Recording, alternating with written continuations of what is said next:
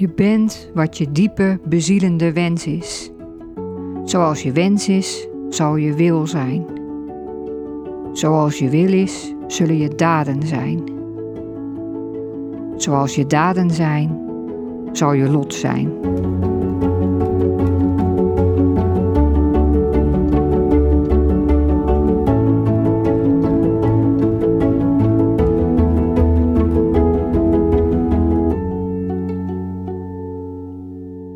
Bij deze nieuwe aflevering van En we noemen het Storytelling. Elke aflevering van deze podcast begint met een verhaal. Soms met een gedicht en soms met een stukje uit de Birhadaranyaka Upanishad. Je weet wel, dat oude geschrift uit het Hindoeïsme van 700 jaar voor Christus. Birhadaranyaka Upanishad. Waarom begin ik deze aflevering daarmee? Ik begin deze aflevering daarmee omdat deze aflevering gaat over de zeven spirituele wetten van succes. Een klein, maar fijn, dun boekje van Deepak Chopra. Er wordt mij wel eens gevraagd: wat is je favoriete boek? Of wat is je favoriete businessboek? En mijn allerfavorietste boek is Wild van Cheryl Strait.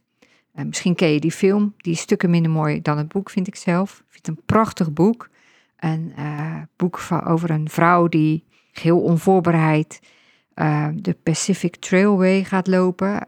Dat is een uh, looppad van in het westen van Amerika, van Mexico tot de Canadese, de grens met Canada. Je gaat over bergen en je komt langs beren en langs enge mannen. En je moet slapen in een tentje en je moet je eigen eten maken en je water zuiveren. En je krijgt blaren en weet ik veel wat allemaal.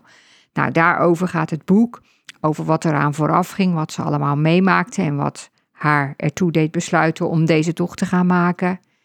En ja, de wijsheden die ze onderweg opdoet, eh, hoe ze bijvoorbeeld met angst omgaat. Dat is een heel mooi stukje. Het is een, een je loopt ook als het ware met haar mee. Heel, uh, ja, dat gevoel had ik echt, dat ik, dat ik ook die tocht had gelopen. En het allermooiste vind ik misschien wel de laatste zin van het boek.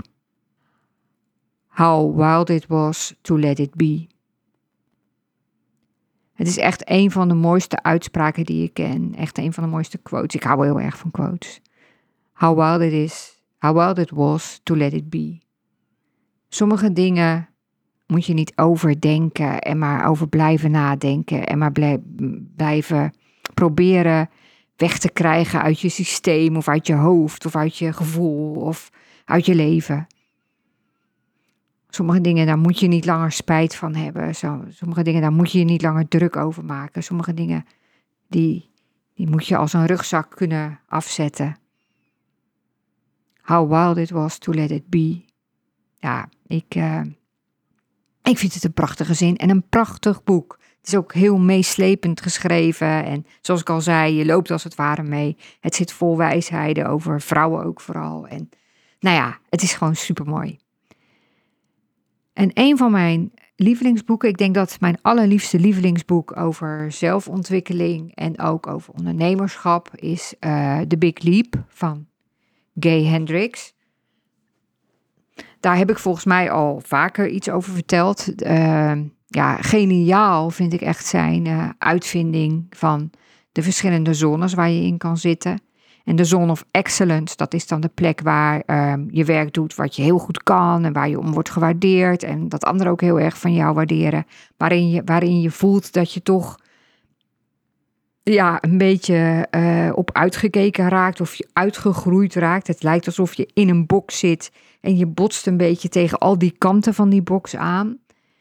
En dan is het de kunst, de big leap, om te springen naar je zone of genius. Naar dat wat jij echt supergoed kan, als de beste, wat jouw unieke talent is. En heel veel mensen durven die sprong niet te maken, omdat het in die zone of excellence best wel comfortabel is ook. Ja, je kan het, je kan het achteruit lopen met je ogen dicht en je wordt erom gewaardeerd en je weet niet wat die zone of genius je gaat brengen. Dat is natuurlijk eng. Je ego vindt dat ook eng. Die denkt, blijf nou maar waar je bent, daar gaat het toch ook goed. En het mooie van die Zone of Genius is dat je dan niet in een box zit waarbij je tegen die kanten kan schuren als je aan het groeien bent of als je wilt groeien. maar in een soort spiraal die omhoog gaat. Dus daar kan je echt heel erg groeien. En toevallig of niet, eigenlijk gaat de zeven spirituele wetten van succes daar ook over. Want de laatste, uh, want dat is dus, ik weet niet of ik dat al had gezegd, tralala. Maar uh, een van mijn favoriete boeken is dus ook uh, voor als het gaat over je business, de zeven spirituele wetten van succes. Al was het maar omdat het een lekker dun boekje is. Nou, dat is niet helemaal waar, maar dat is soms ook wel eens lekker om even een lekker dun boekje te lezen. En ik heb het volgens mij twee keer gelezen en elke keer dacht ik, wauw, als we dit eens met z'n allen gingen doen, dan zou echt de wereld heel anders zijn. Dus ik dacht, ik ga er een podcast over maken. En wat ik wilde zeggen is dat eigenlijk de Big Leap en de, zone of, de sprong naar de Zone of Excellence, die komt eigenlijk ook uh, voor in de laatste wet uit uh, de zeven spirituele wetten van succes. En daarom spreekt die wet mij volgens mij ook zo aan en heb ik die ook het beste onthouden. Want die gaat erover dat iedereen een eigen talent heeft. Iets wat hij het allerbeste kan. En als je dat inzet voor, uh, ja, te, ter ere en meerdere glorie van anderen, om de wereld te dienen, zeg maar, dat je dan absoluut succes zult hebben. Dat je dan rijker zult worden dan je ooit had gedacht. Dat is de zevende wet. Nou, dat lijkt dus een beetje op de Big Leap. Maar goed, de zeven spirituele wetten van succes voor het vervullen van je dromen is de Nederlandse ondertitel. En ik dacht, dat lijkt me mooi om daar een podcast over te maken. Ook omdat het inderdaad een beetje spiritueel is, omdat het je lijkt stilstaan bij de dingen die je doet en bij hoe het misschien anders kan. Ik vond dat ook wel mooi als een soort van kerstgedachte, zal ik maar zeggen. Dus wat deed ik? Ik eh, pakte het boekje en ik dacht, ik ga het nog even doorlezen, want dan weet ik waar ik het over ga hebben. Nou, ik las de inleiding en toen las ik hoofdstuk 1, die natuurlijk over de eerste spirituele wet van succes gaat. En toen dacht ik: Oké, ja. Ik dacht dus, ik had in mijn herinnering, dacht ik dus van, oh ja, ik heb dat boek twee keer gelezen. En twee keer dacht ik, wauw, als we dit nu allemaal gaan doen, want er staan ook opdrachten na elke wet, hoe je die wet kan toepassen in je leven. Als we dit nu met z'n allen gaan doen, dan wordt de wereld mooier, dan voelen we ons beter, dan kunnen we meer bereiken. Nou ja, dan, ja, nou ja, je kent het wel. Dus ik dacht, ik ga al die wetten zeggen en dan kan iedereen daar uitpikken wat hij wil gaan doen. En dan gaan we dat allemaal doen. En nou ja, zo dus. Maar toen was ik dus het eerste hoofdstuk aan het lezen over de eerste wet. En toen dacht ik, oh wauw, hier ben ik nog lang niet. Als ik deze eerste wet een beetje wil toepassen in mijn leven, dan moet ik het echt anders gaan doen. Dus deze podcast gaat niet over het hele boekje. Deze podcast gaat over de eerste spirituele wet van succes. En die heet de wet van potentialiteit. En omdat ik dat een heel moeilijk woord vind in het Nederlands, noem ik hem even de wet van potentie. En wat je daarvoor moet doen. Nou, fasten your seatbelts, zou ik zeggen. Maar laat ik eerst even, laten we eerst even met z'n allen, even lekker met z'n allen, ook heel goed bij de kerstgedachten. Mijn podcast mag je met onwijs veel mensen tegelijk zijn, ook zo fijn. Stilstaan bij het woord, laten we dus met z'n allen even stilstaan bij het woord succes. Ik heb het even opgezocht in het woordenboek, in de ja, dikke van Dalen. Uh, succes is een goede afloop, uitkomst of uitslag. Nou, dat vond ik al mooi, want er staat dus helemaal niet bij dat je iets moet bereiken een bepaald iets moet bereiken om succes te hebben. Er staat niet bij dat je rijk moet zijn om succesvol te zijn of die ene goede baan moet hebben. Er staat een goede afloop, uitkomst of uitslag. Dat kan dus ook iets heel anders zijn dan heel veel geld verdienen of slagen in de ogen van anderen of heel veel macht of aanzien hebben of een bijzondere prestatie leveren. Meer rust of veel tijd voor je hobby's of voor andere mensen of persoonlijke ontwikkeling, harmonie, fijne relatie, kan allemaal een goede afloop zijn, een goede uitkomst of uitslag. En het past ook wel mooi bij um, wat heel veel mensen doen. Ik zelf trouwens ook. nadenken over het nieuwe jaar. Wat voor doelen wil je dan bereiken? En dan denk je ook heel vaak in, als je ondernemer bent bijvoorbeeld, in omzet of het aantal klanten of ja, in je werk, wat voor doelen je daar wil bereiken. En dan denken we ook vaak aan, aan van die grote, ja, van die grote belangrijke dingen. Maar ook hele kleine dingen kunnen belangrijk zijn. En die zijn misschien wel helemaal niet zo klein als wij denken. Iets als harmonie of meer tijd voor jezelf. Nou, daar zat ik dus over na te denken. En uh, toen ging ik weer het boekje pakken. Ik dacht dus na over succes en over wat succes eigenlijk is. En ik pakte weer het boekje, want ik ging nu nog even een keer, nog een keer hoofdstuk 1 doorlezen, omdat ik dan goed kan vertellen wat daarin staat. En toen kwam ik al meteen tegen wat Deepak Chopra, de hele spirituele man, wat die zei over succes. En over die eerste, over die wetten van succes, stond in de inleiding van het boekje. Als deze kennis deel is geworden van je bewustzijn, zul je het vermogen hebben om met moeiteloos gemak onbegrensde rijkdom te verwerven en iedere onderneming met succes te voltooien. Ik dacht, nou, dat is toch mooi meegenomen. Dat ik dus een beetje spiritueel zit te doen over succes, dat het niet per se veel geld is of veel omzet. Maar andere dingen, die, die, dat je die ook kunt kwalificeren als succes en dat we dat dan misschien vaak helemaal niet doen. En waar komt Deepak Chopra met zijn zeven spirituele wetten van succes? Waar leidt dat toe? Dat zal ertoe leiden dat je met moeiteloos gemak onbegrensde rijkdom kan verwerven en iedere onderneming met succes kan voltooien.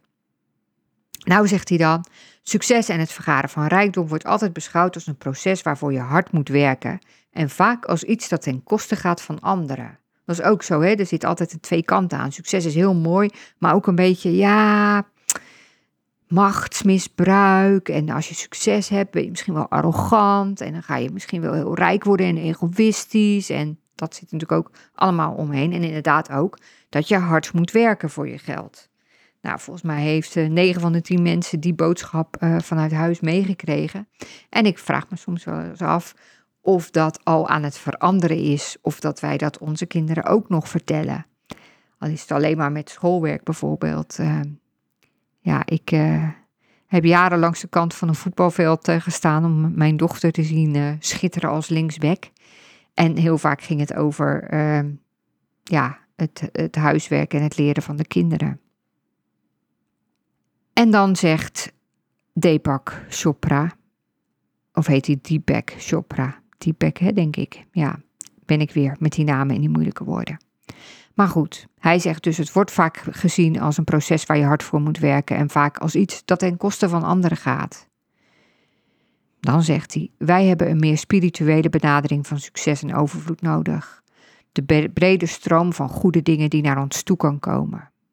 Kijk, dat is al weer andere koek. Dat je dus niet hard hoeft te werken voor succes, voor rijkdom, voor, om je onderneming met succes te voltooien, maar dat je erop mag vertrouwen dat er een brede stroom van goede dingen naar je toe komt. In die inleiding zegt hij ook nog wat over wetten, want het gaat natuurlijk de zeven spirituele wetten van succes. En hij ziet wetten eigenlijk zoals iets als een natuurwet. De wetten die ervoor zorgen dat dingen bestaan uit het onbekende. Alles wat we kunnen zien, zegt hij, is ontstaan uit het onbekende. En de wetten die hij bedoelt in dit boek zijn dezelfde wetten die ervoor zorgt dat er natuur komt, een bos, of een melkweg, een ster, of een menselijk lichaam. En die wetten die ervoor zorgen dat die dingen er zijn gekomen, die kunnen er ook voor zorgen dat onze grootste wensen vervuld worden. Hij gaat ervan uit dat we allemaal één zijn. Dat we allemaal één zijn van het grote universum. Eén zijn van het grote universum. Één zijn met het grote universum. En dan komen we nu bij wet 1. De enige wet die we in dit, deze aflevering gaan uh, bespreken. En dat is de wet van potentie. En hoe kunnen we die wet nu bereiken? Nou, laat ik daar maar mee beginnen met de clue. Want dan ga ik zo meteen uitleggen wat hij bedoelt met de wet van potentie. Maar dit is dus ook de reden waarom ik dacht van, ik ga niet het hele boek bespreken. Want er zijn eigenlijk vier manieren om die wet van potentie te kunnen vervullen. En de eerste manier die Deepak Chopra noemt is stil zijn. Stil zijn. Niks doen. Niet naar de radio luisteren. Wie luistert nog naar de radio? Niet naar uh, een podcast luisteren. Niet uh, haken, breien of een puzzel maken. Niets doen. Een uur of twee per dag. Maar, zegt hij, het mag ook een uur. Ik weet niet wat jij nu voelt, maar ik dacht van uh, een uur per dag stil zijn. Dat lijkt mij zo moeilijk. Dat lijkt mij zoveel moeilijker dan een uur nutteloos scrollen op mijn telefoon. Een uur stil zijn. Eigenlijk twee uur. Of een paar dagen. Of zelfs een week. Wat ook kan, is mediteren. Een half uur ochtends en een half uur avonds. Ja, ik laat even stilte vallen, want ik probeer ook wel eens te mediteren, maar een half uur ochtends en een half uur avonds, dat is mij nog nooit gelukt. De derde manier is om de natuur in te gaan. Elke dag de natuur in te gaan. Ook daar schrok ik een beetje van, want ik dacht, ja, uh, heb ik, heb ik natuur bij, in mijn huis, uh, bij huis, dicht bij huis. Ik woon niet in een bos of ik woon ook niet, ik woon wel dicht bij het strand, maar niet zo dat ik daar elke dag heen kan gaan. Maar toen dacht ik aan meteen twee bosachtige parken vlakbij ons, aan de weg die ik fiets van huis naar kantoor, dat die ook eigenlijk over een weggetje gaat met allemaal bomen. Dat ik de, de, het raam uitkijk en ook een boom zie, veel huizen en een kerk en een een, een rokende schoorsteen van een energiecentrale. Ik weet niet of het een schoorsteen is, maar zo'n pijp in elk geval. En een flat met allemaal mensen. Maar ik zie ook bomen. Dat is ook natuur. Een mooie bloem bekijken, dat is ook natuur. Iets met natuur. Nou, liever natuurlijk nog echte natuur met de zee en, en, en, en wat meerdere bomen, zodat het een bos is. Maar de natuur ingaan. En de laatste, de natuur ingaan was volgens mij de laatste. En de ene laatste is, die is heel anders, om de wet van potentie uh, te kunnen vervullen. En dat is niet oordelen. Nou, dat vond ik ook wel een dingetje. Niet oordelen, dat is dus geen kritiek ergens op hebben. Geen kritiek hebben op anderen. Geen kritiek hebben op jezelf. Geen oordeel hebben over de dingen die gebeuren. Geen oordeel hebben over dingen die andere mensen doen. Geen oordeel hebben over andere mensen. Geen oordeel hebben over iets wat je leest, iets wat je tegenkomt, iets wat je ziet. Geen oordeel hebben. Ik heb een theatershow, een theaterachtige lezing. En die gaat, heet de Grote Ontregelshow. Die gaat eigenlijk over omdenken, over ontregelen, over anders doen, anders denken, anders kijken naar de dingen. En die begin ik met het uitdelen van uh, elastiekjes. Die mensen om hun pols uh, moeten doen. En elke keer als ze negatieve gedachten hebben, dan moeten ze dat, dat elastiekje tegen hun uh, pols knallen. En zo ontdek je dus hoeveel negatieve gedachten je per dag hebt. En dat zijn er veel meer dan je denkt. Nou, dat zou natuurlijk ook met oordelen zouden we dat ook kunnen doen. Iets, een, een, iets wat ons eraan herinnert om, om als we een oordeel hebben. En Chopra zegt dan: begin, het is moeilijk, maar begin dan de dag met jezelf voor te nemen: ik ga vandaag geen oordeel hebben. En als je het dan toch hebt, kan je bedenken van: ik ga nu weer proberen om geen oordeel te hebben. Of je kan ook klein beginnen met: ik, kan, ik probeer een uur geen oordeel te hebben. Ik denk nu, doe dat dan precies in dat uur dat je stil, stil bent. Dan heb je twee uh, knappen in één, uh, hoe heet het ook alweer? Twee he in één keer. Twee stappen in één keer gezet. Hmm, ik ben even de uitdrukking kwijt. Maar dat zijn dus de vier, de, vier dingen. De stilte, stil zijn, mediteren, de natuur ingaan en niet oordelen. En nou ja, dit is dus nog maar wet 1. En die gaat dus over de wet van potentie. En ik ga zo vertellen wat hij daarmee bedoelt. Maar misschien snap je nu een beetje waarom ik ook al zo enthousiast was over dat boek. Omdat er nog veel meer in staat. En omdat ik dacht, ja, als we dat allemaal zouden doen, dan zou de wereld echt een beetje mooier worden. Niet een beetje, zou de wereld veel mooier worden. En dan zou, geloof ik echt dat we allemaal ja, ons eigen succes kunnen behalen. En op een andere manier dan we gewend zijn. Op die andere manier dan ja, met macht en weet ik veel wat allemaal. Maar veel meer vanuit jezelf. Door eigenlijk terug te keren naar wie je eigenlijk bent. Dus dat, maar ja, dat hele boekje staat dus vol met dingen. En deze dingen, ja, ze lijken me super moeilijk. En ik neem er natuurlijk ook weer voor om, om het te gaan doen.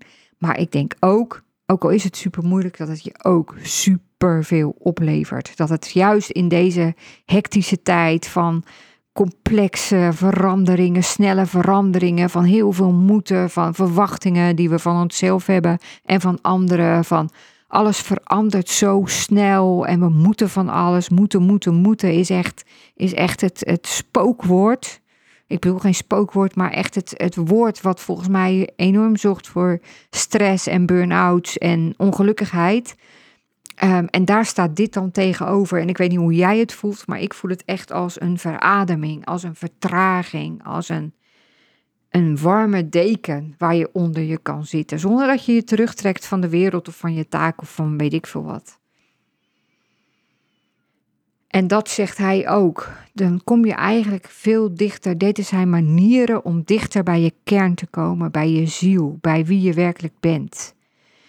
Ons bewustzijn, zegt hij, ons bewustzijn is oneindig, onbegrensd, pure vreugde, pure kennis, oneindige stilte, volmaakt evenwicht, onoverwinnelijkheid, eenvoud, gelukzaligheid.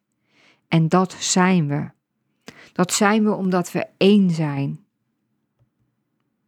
En de wet van potentie die gaat over pure potentie. En die pure potentie is volgens Deepak Chopra je eigen ik. En hoe beter je jezelf kent, hoe beter je je eigen aard kent, hoe dichter bij jezelf komt, hoe dichter je ook komt bij het veld van pure potentie. En dan kom je bij jezelf in plaats van dat je je te veel laat beïnvloeden door dingen van buitenaf. Hij noemt dat zelfverwijzing, dus dicht bij jezelf staan, staat tegenover objectverwijzing. En bij objectverwijzing je te veel laten, je leven te veel laten afhangen van, van alles van buiten. Uh, ja, dan laat je je dus beïnvloeden door dingen van buitenaf. Situaties, omstandigheden, mensen. Uh, dan ga je streven naar de goedkeuring van anderen je denken en je gedrag wordt bepaald door de reactie die we verwachten. Nou, dat ga ik maar niet doen, want dat zal wel die wel gek vinden. Of nou, laat ik dat maar doen, want dan is die en die weer blij met mij. Dat is allemaal objectverwijzing en dat is heel vaak gebaseerd op angst. Op angst en op controle. We willen de wereld om ons heen onder controle te houden om onze angst te uh, dimmen. De behoefte aan goedkeuring, aan controle en ook de behoefte aan macht zijn volgens Deepak Chopra behoeften die voortkomen uit angst. En als we dicht bij onszelf zijn, als we de macht van ons eigen ik ervaren, dan is er geen angst. Geen dwangmatige behoefte om alles onder controle te houden. Geen streven naar goedkeuring of macht. Daar is je ware ik vrij van. Die is immuun voor kritiek en die is niet bang. Die voelt zich niemands meerdere en ook niet dat hij minder is dan iemand anders. De macht die van buiten komt, die is gebaseerd op een bepaalde titel, bankdirecteur of hoogleraar of eigenaar van een groot bedrijf of filmster. Maar, zegt hij, dat is op ego gebaseerde macht. En die macht verdwijnt op het moment dat je die titel of die baan of het geld kwijtraakt. En die macht van het ik, van jezelf, die is er altijd. En als je die voelt, dan komen ook mensen naar je toe. Uh, en de dingen die je wilt hebben ook. Als een magneet. Dus dat is de wet van pure potentie, van potentie. Dat dan de goede dingen naar je toe komen. Dat is de zoals het met de natuurwetten gaat. Maar dan moet je dus eerst dicht bij jezelf komen en daar kom je bij door stil te zijn, te mediteren, de natuur in te gaan, niet meer te oordelen. Want eigenlijk door als je de stilte niet hebt of niet mediteert of oordeelt, dan ontstaat er onrust. Onrust in je hoofd van allerlei gedachten. Maar ook onrust ehm, als je voortdurend dingen aan het beoordelen bent. Dat is goed, dat is slecht. Als je etiketten opplakt of... En die onrust, die staat de stroom in de weg van de energie die in ons allemaal is en die uh, in het veld van potentie is en tussen onszelf. En als die onrust weg is, dan uh, ontstaat er creativiteit.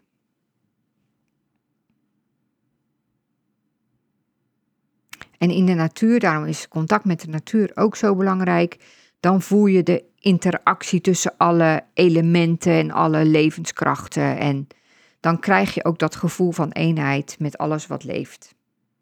Nou, dat is mooi. Een oordeel, ik voel nu een oordeel opkomen bij mezelf. Dat ik denk, een objectverwijzing is het eigenlijk. Want ik zeg dat laatste zinnetje, je krijgt een gevoel van eenheid met alles wat leeft. Dat zeg ik eigenlijk op een toon die een beetje, ja, ik wil er eigenlijk een beetje een grapje van maken. Of ik denk, ja, ik ga dat niet heel serieus zeggen. Ik ga dat een beetje met zeggen. Want misschien vinden mensen wel dat, dat wel te zweverig of te spiritueel of zo. Dus ik ben bezig met het oordeel van uh, anderen. Daar ben ik al op, op aan het anticiperen. Ehm, en ook natuurlijk een beetje met het oordeel over mezelf. Ik wil niet dat mensen afhaken en denken: wat is dat voor uh, gewauwel? En toch geloof ik het wel, dat in de natuur dat je dan een gevoel van eenheid krijgt met alles wat leeft.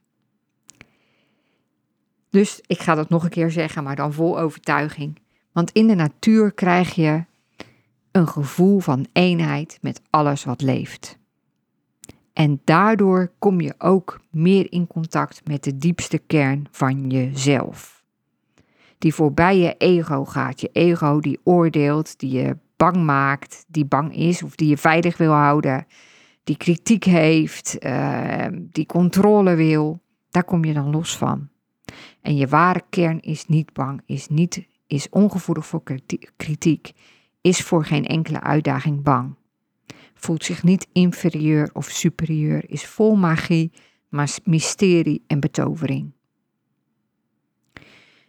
En als je daar dan komt, dan krijg je meer inzicht in je relaties, en in hoe je reageert op dingen, want dat zijn allemaal spiegels van wat er in jezelf speelt. Het is eigenlijk, nu ik er zo over nadenk, is het natuurlijk eigenlijk ook heel erg uit je hoofd gaan. Waar we natuurlijk, onze maatschappij is gewoon een hoofdmaatschappij. Ik denk wel dat het aan veranderen is, maar je hoofd is zo super belangrijk op school en zo. Je moet overal over nadenken en je moet allemaal beslissingen goed overwegen en zo. En de vraag wat denk je is veel makkelijker dan de vraag wat voel je. Die, die voelt wat ongemakkelijk en we weten daar ook heel vaak geen woorden aan te geven, want dat zijn we niet gewend. We zijn een maatschappij van hoofd. En ik denk dat de, uh, deze eerste spirituele wet van succes, de wet van potentie, ook gaat naar je gevoel. Naar jezelf zijn ook. En niet meer met de kudde meelopen en doen wat anderen bedacht hebben dat goed is. Ook als ondernemer kan je dat heel erg hebben. Ik moet zichtbaar zijn. Ik moet heel vaak posten. Ik moet um, in elke post een call to action uh, zetten. Ik moet heel veel klanten hebben. Ik moet. Want. En ondertussen doen we elkaar allemaal na. En voelen zich veel mensen zich volgens mij daar ook ongelukkig bij. Omdat dat systeem wel goed kan werken voor bepaalde mensen, maar niet voor iedereen. En Deepak Chopra zegt ook, weet je, dat um, als je dat gevoel hebt van angst of onzekerheid of bang voor kritiek of zo, dan kun je nog zoveel geld hebben of nog zoveel aanzien of macht hebben, maar daarmee gaat dat gevoel niet weg. Dat, dat, dat, dat blijft altijd. En dat zie je ook, hè, dat, dat mensen ook op op, op, op hoge posities en zo kunnen ook heel onzeker zijn. Of daarom juist nog meer macht of controle willen om die onzekerheid te dempen. En hij zegt, dat gaat alleen weg als je heel dicht bij je ware ik, ik bent. Dan voel je dat allemaal niet meer. Dan krijg je creatieve gedachten, meer kennis en ook overdaad en wilde. Maar daar is dus wel, uh, ja, wat voor nodig, zal ik maar zeggen. ja, daartoe is, is nodig dat je de onrust in jezelf overwint. Die onrust in je, in je, in je hoofd, in die, die, die, die, die, die, die stemmen die maar de hele tijd met elkaar praten, die, die, die, die kritisch zijn en weet ik veel wat allemaal. En daartegenover staat dan je oneindige, overvloedige, creatieve geest die één is met het universum. Nou, daar kom je dus door stil te zijn en te mediteren en de natuur in te gaan en niet meer te oordelen. En dan heeft hij aan het eind van het boek hoe je de wet van pure potentialiteit, zie pure potentie. De wet van pure potentialiteit, het is, het is ook geen doen.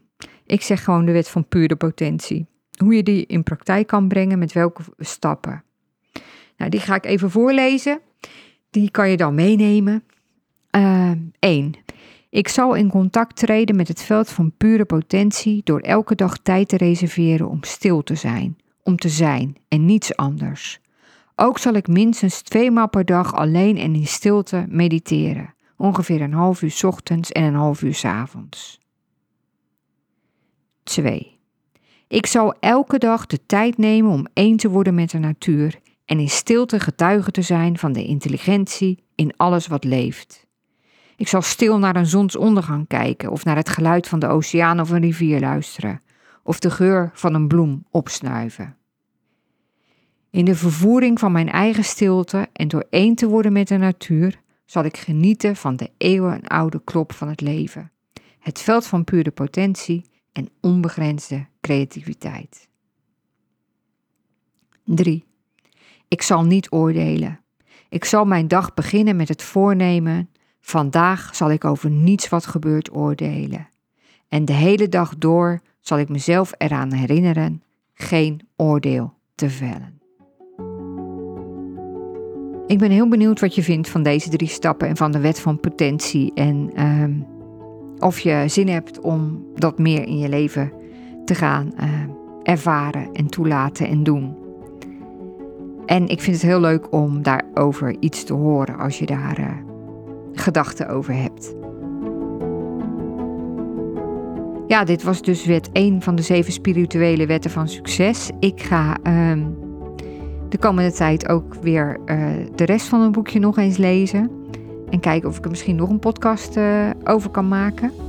Want ik ben toch nog steeds heel enthousiast. Ook al is het best wel veel en best wel anders. Wat hij natuurlijk uh, ziet als stappen die je kan zetten. Maar ja, ja, wat ik zeg, ik ben er toch nog steeds eh, enthousiast van. Ik hoop jij ook. Um, superleuk dat je luisterde in elk geval. En uh, heel graag tot het volgende verhaal. Ik zal nog even eindigen met waar ik begon. Met de woorden uit de Brihadaranyaka Upanishad. Die voorin het boekje De Zeven Spirituele van Succes uh, geciteerd wordt. Een stukje daaruit, want volgens mij is die heel lang. Je bent wat je diepe bezielende wens is. Zoals je wens is, zal je wil zijn. Zoals je wil is, zullen je daden zijn.